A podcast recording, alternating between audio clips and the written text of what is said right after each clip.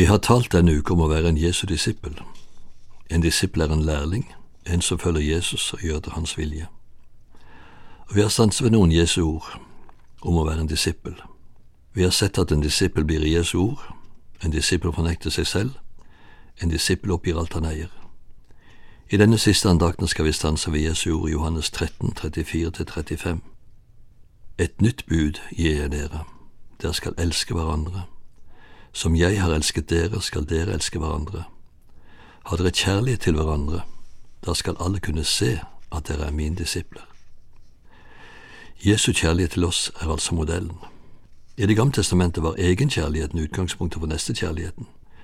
Du skal elske det neste som deg selv, står det i Tredje Mosebok 1918. Det vi gjør for oss selv, bør vi også kunne gjøre for vår neste. Men Jesus gir oss også et nytt bud.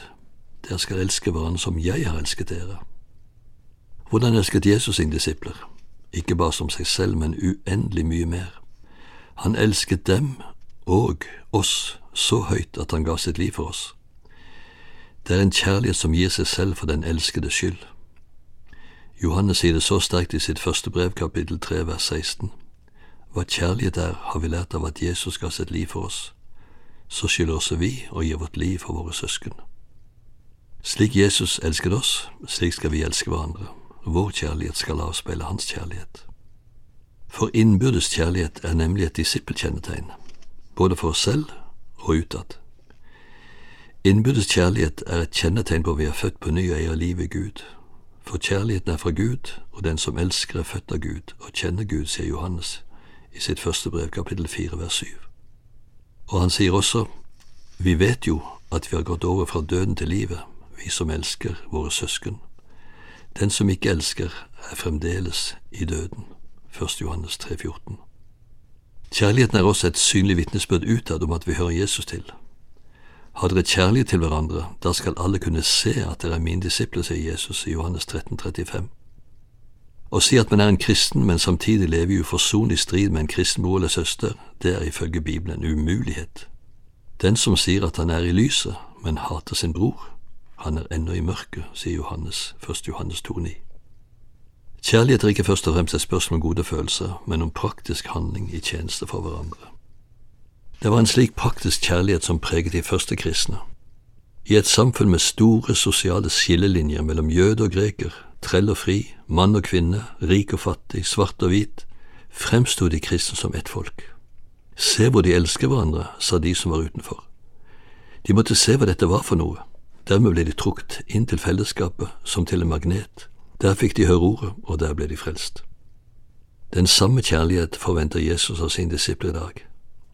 Vi skal elske menneskene, men mest av alt hverandre, vi som hører troen til. Men det er ikke noen motsetning her.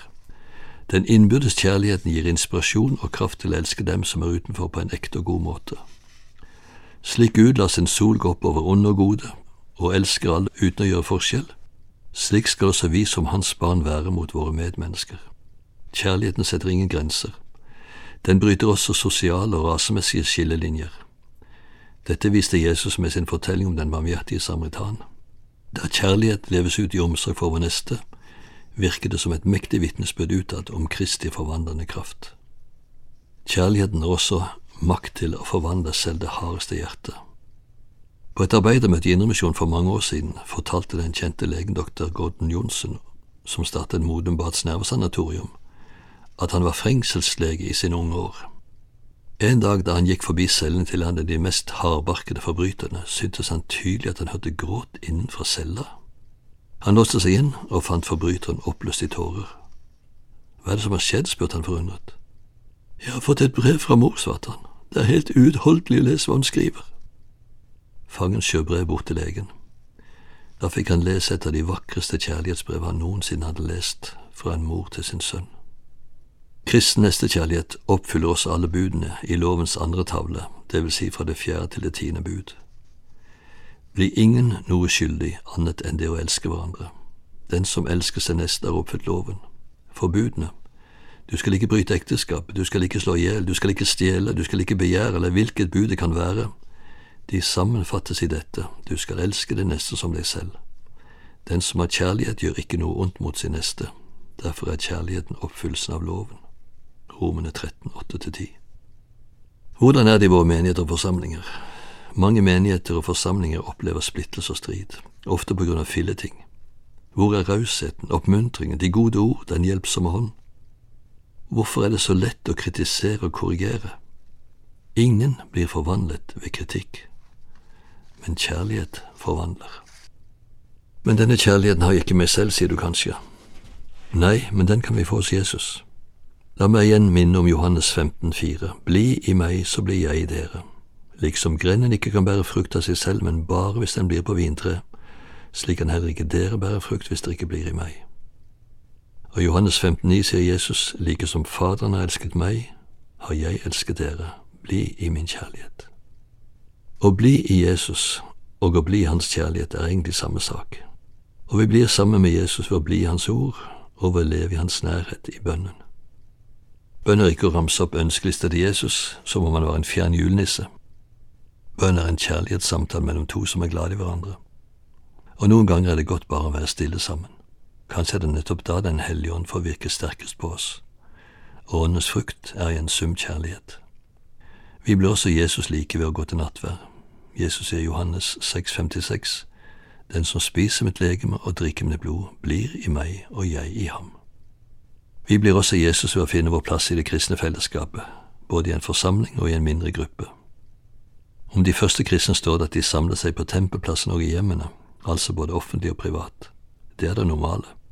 Vi møtes i forsamlingen til opprisning, forkynnelse og fellesskap, men det er i gruppen vi kan dele sorger og gleder, der vi kan gråte og le, oppmuntre og be, hjelpe hverandre både åndelig og praktisk.